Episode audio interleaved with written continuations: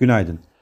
Amerika Birleşik Devletleri Başkanı Joe Biden, New York Times gazetesi için yazdığı yazıda Ukrayna'ya gelişmiş füze sistemleri göndermeye karar verdiğini açıkladı. Yurt içi tarafında ise gayri safi yurt hasıla büyümemiz ilk çeyrekte kurum beklentimizin bir miktar üzerinde %7.3 olurken %7.2 olan piyasa beklentisi dahilinde geldi.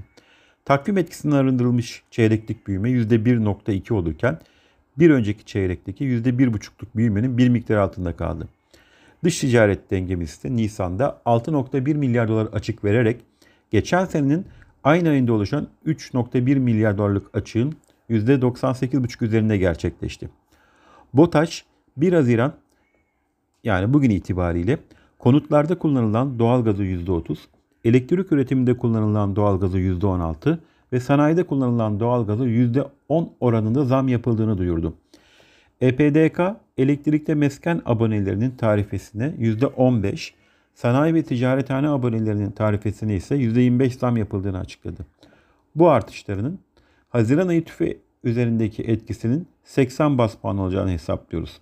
Bugün yurt içi imalat PMI verisi açıklanacak. Ayrıca OPEC artı toplantısı gerçekleştirilecek. Borsa İstanbul'da hafif alıcı bir başlangıç öngörüyoruz.